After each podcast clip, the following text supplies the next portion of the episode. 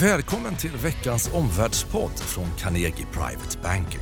Torsdagen den 13 juni, klockan är 11.10. Efter sju dagar med både sol och stigande börsen så vaknade vi till ösregn och dagen inleddes med rött på skärmarna. Men nu är det upp igen, åttonde dagen i rad. Idag har jag här i studion med mig Jonas Elofsson, vår börsredaktör.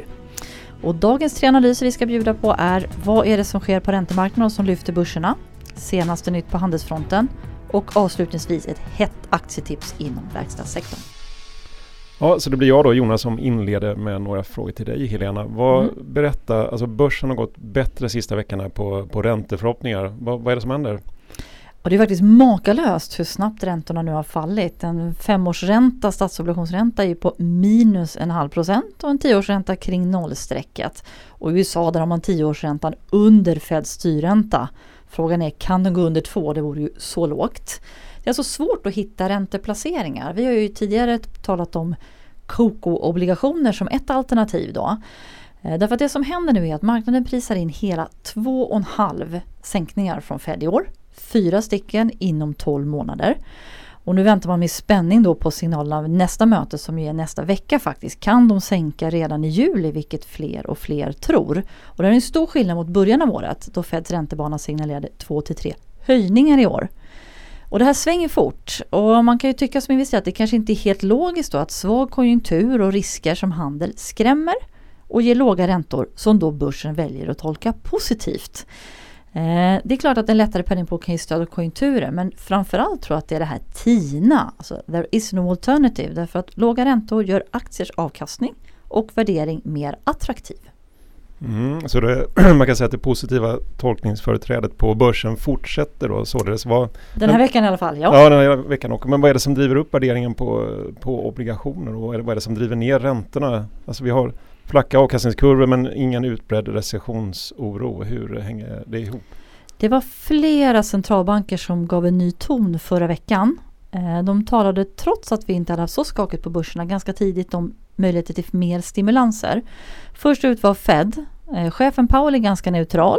Eh, de beskriver konjunkturen och tillväxten som hygglig. Men de ledamöter som är mer duvaktiga, som är pigga på att sänka räntan, ropar nu dags för sänkning. I Europa, där hade vi centralbanksmöte. Det kom den tredje vändan med billiga banklån. De sköt en räntehöjning sex månader framåt och sa på presskonferensen vi har diskuterat mer stimulanser från vår verktygslåda. Och det är klart, det finns många hot i Europa. Så Drag vill vara vaksam, kanske inte redo att agera än men öppnar möjligheten. Och sen globalt. Vi visste att både Indien och Australien skulle sänka. Men Kina överraskade genom att beskriva att de har ett enormt utrymme att stimulera om det behövs. Och då blir det spännande med den här databatchen vi får imorgon då med industri och detaljhandel och så. Men jag skulle vilja poängtera att det är Fed som är viktigast för börsen. De har nedsiderisker från handel till konjunkturen. De har utrymme att sänka då inflationen är låg. Så frågan är väl mer vill Fed agera liksom i god tid innan presidentvalet och därför då agera redan i år eller inte? Och hur mycket? Och vad händer på inflationsfronten då? Jo, generellt så här sent i cykeln så är inflationen väldigt låg. Det är det ju för alla centralbanker. De kämpar ju som 17 för att få upp den. Det går inte sådär jättebra. Men i USA fick vi siffror igår. Eh, tittar vi på underliggande inflationen så är den taktar runt en och en halv. Och det var fjärde månaden i rad som inflationen var lägre än väntat. Sverige är spännande, får vi siffror imorgon?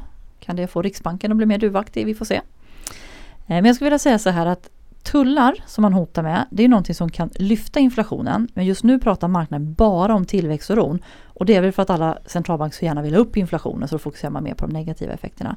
Det som kan vara lite dämpande för inflationen det tycker jag är den här nya oron för en svagare kinesisk valuta som har smugits in. De använder det under 18 för att motverka tullar och en viss tendens till det nu. Det är ju i så fall deflationistiskt för omvärlden. Både tillväxtrisk men också att de exporterar lite låg inflation från Kina. Då. Så Helena, vad, vad blir din slutsats?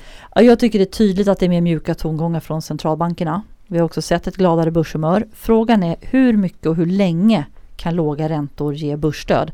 Två och en halv sänkningar som marknaden prisar in i USA känns väl optimistiskt. Helena, så förutom räntor så är det ju handel och konflikter som alltjämt eh, så att säga, oroar marknaderna. Vad, vad, vad, vad har hänt där den senaste tiden? Ja, USA och Trump då gav ju Mexiko lite tullfrist. Det vill säga man införde inga tullar den 10 juni i alla fall utan immigrationssamtalen ser ut att göra framsteg och det här har glatt börserna. Eh, många tänker också att eh, Trump kanske inte har råd att införa tullar i så stor omfattning för det kan ju då slå mot hushåll och företag som är hans viktiga väljarbas inför presidentvalet då hösten 20. Men jag tycker nog att det han har gjort mot Mexiko visar att han är beredd att använda tullar som vapen mot andra länder och utanför handelsrelationer. Här handlar det om immigration, vad vet ju vad det blir härnäst? Och det här är ett ganska oroande prejudikat då, som jag tycker gör världen mer osäker och kanske har ett tillväxtpris. Och inte minst USA-Kina-relationen, vad, vad finns det att säga där? Ja, Kina och Xi har väl ställts inför något av ett ultimatum av Trump då, inför G20-mötet och han har sagt att om Xi inte kommer eh, på mötet här i slutet på juni så kommer jag tullbelägga fler varor. Eh, hur ska Xi svara på det utan att tappa ansiktet? Det blir mer prestige i de här relationerna. Eh, Trump fortsätter också skälla på Fed och tycker det vore bättre om han fick bestämma. Men jag tror också att man ska notera att de här protesterna i Hongkong funderar många nu över, kan det här bli en bricka i spelet? Antingen till mer irritation eller användas i förhandlingstaktiken. USA har varit väldigt tysta hittills kring det här. Och sen kanske den tredje punkten man ska säga om handel förutom Mexiko och USA och Kina det är att den här svartlistningen av bolag och techkonflikten den har fortfarande full fart. Mm, det är onekligen ett eh, spännande möte där, G20. Alltså, finns det några andra frågor som du tycker var i fokus på det här förmötet? Ja, jag tyckte det dök upp en och det var beskattning av de här globala techgiganterna. Eh, det pratas nu mycket om att försöka beskatta där de skapar värde, alltså inte där de registrerar försäljning eller vinst. Det här är liksom ett lite nytt fenomen. Eh, man pratar också kanske om en generell global eh, schablonskatt och man pratar om att det här redan ska ske 2020. Det är väldigt lösa formuleringar men Storbritannien och Frankrike har ju redan infört typ av sådana här taxer och då vill många, eller skatter och då vill ju många ha bättre med global enighet då, då för det är globala bolag. USA är lite emot och säger varför ska man behandla techbolag annorlunda än andra bolag. Jag tycker mig skönja att man är överens om att man vill göra något för att hänga med i utvecklingen. Frågan är bara hur, det är verkligen ingen lätt fråga men det var något man pratade om. Så vad blir slutsatsen då? Jag tycker slutsatsen kring handel och konflikter är att vi lever i en ny värld med tullhot som börserna bara måste lära sig hantera. Och vi kan väl påminna igen om, som både Henrik och jag pratat om, att ekonomisk osäkerhet ofta har ett pris i form av lägre tillväxt och nu står tech i centrum. Ja Jonas, du brukar skriva ett aktiecase varje vecka som är en sammanfattning av Carnegie Analys. Och caset som du ska prata om idag det är ju Volvo som bygger på en rekommendation som publicerades för Carnegie-kunder samma dag som kvartalsrapporten, nämligen den 24 april. Men ett case i verkstadssektorn trots konjunkturoro Jonas, berätta mer.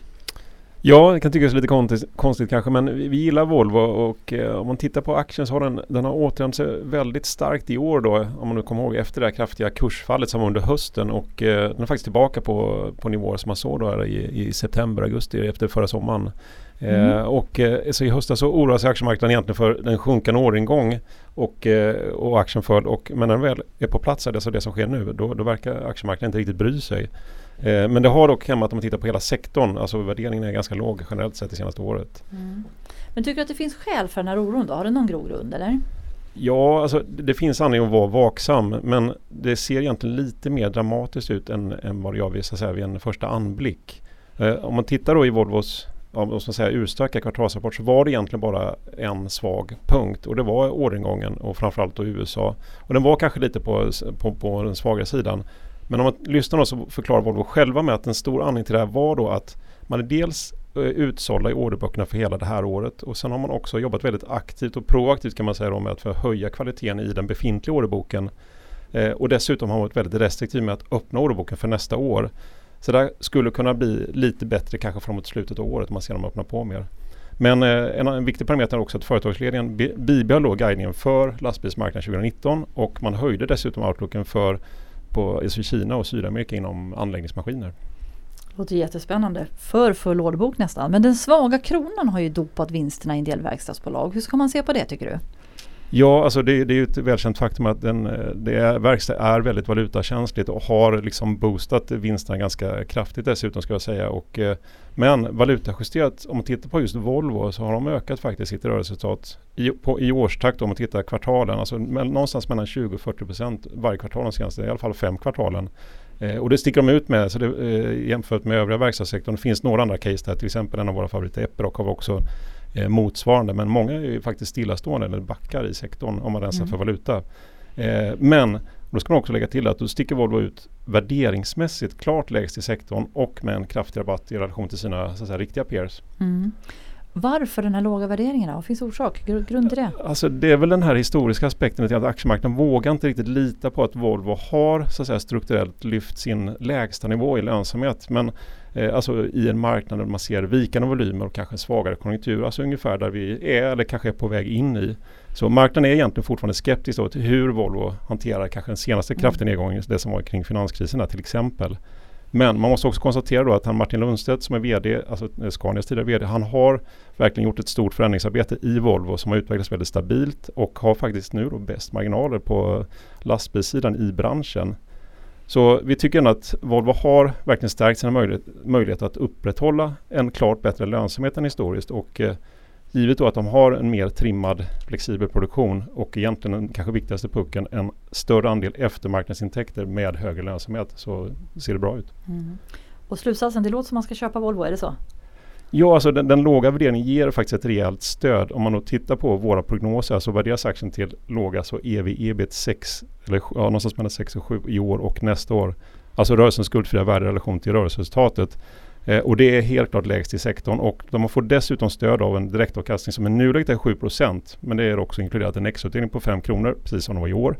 Eh, och eh, ja, vi har en riktkurs på 175 kronor. Det känns som ett bra case. Mm. Eh, och för dig som vill veta mer om det här caset eller prenumerera på veckans aktiecase så hittar du en länk i beskrivningen i denna podd. Och önskar du få tillgång till underlaget så mejlar du marinformation@carnegie.se. Dagens tre slutsatser då. Nummer ett. Mjukare räntetongångar globalt ger börsstöd, men hur mycket och hur länge? Två. Trump breddar användningen av tullvapnet och Xi står inför ultimatum vid G20. Och den tredje, köp Volvo på låg värdering, hög direktavkastning och strukturellt höjd lönsamhet. Och det är en hög aktivitetsnivå får vi säga här i Carnegiehuset. Eh, ikväll så har vi en fullmatad Carnegie efter börsen. Vi har också en eh, pågående börsintroduktion som kan tecknas samt en intressant alternativ investering inom venture capital eh, som väcker stort intresse får vi säga bland våra kunder. Eh, men det här var dagens Omvärldspodden och som vanligt så är vi tillbaka nästa torsdag. Ha det så bra! Tack för att du har lyssnat på Omvärldspodden från Carnegie Private Banking. Vill du veta mer om vad som händer i vår omvärld och få aktuella idéer till affärer? Gå då in på www.carnegie.se veckans viktigaste och prenumerera på vårt nyhetsbrev.